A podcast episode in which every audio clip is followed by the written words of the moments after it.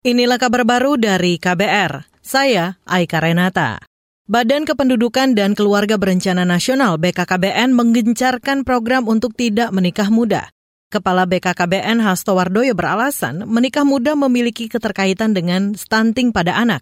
Padahal saat ini pemerintah berupaya menekan stunting hingga 14 persen pada 2024.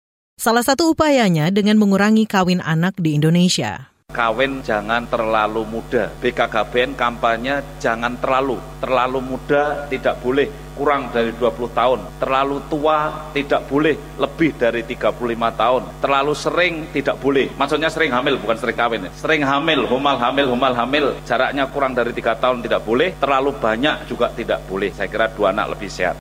Itu tadi Kepala BKKBN Hasto Wardoyo.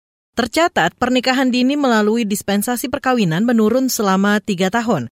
Semisal pada 2021 angkanya menurun menjadi 9,23 persen ketimbang 2020 yang ada di angka 10,35 persen. Kita beralih saudara, buruh migran yang menjadi korban perbudakan manusia Kartika Puspitasari belum mendapatkan ganti rugi atas kompensasi yang telah diputuskan pengadilan.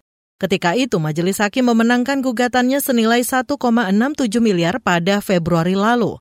Dalam perkara itu, dia menjadi korban kekerasan dan eksploitasi dari majikannya di Hong Kong. Beberapa wartawan membuat berita kalau saya sudah mendapatkan uang kompensasi sebesar, sebesar 1,6 miliar rupiah. Tapi itu hanya di atas kertas dan sebenarnya saya belum mendapatkan sepeser pun. Tapi di media sudah menyebar kalau saya sudah mendapatkan uang itu. Perasaan saya itu sangat sedih.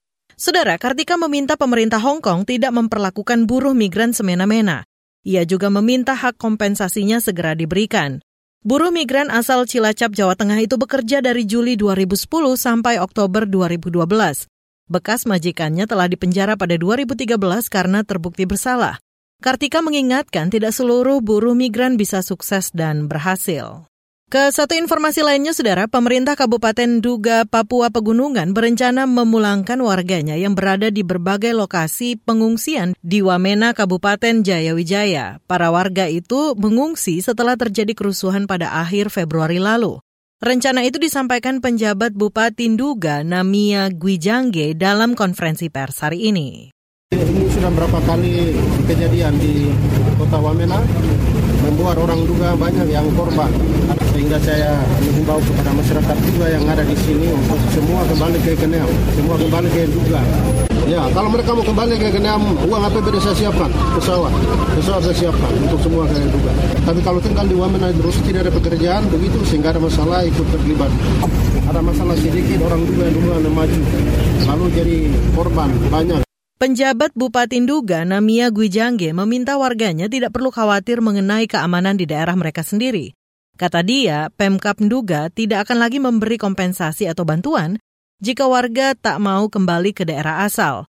Saudara, tercatat sekitar 5.000 warga Nduga mengungsi karena konflik ke Wamena, Kabupaten Jayawijaya sejak akhir 2018.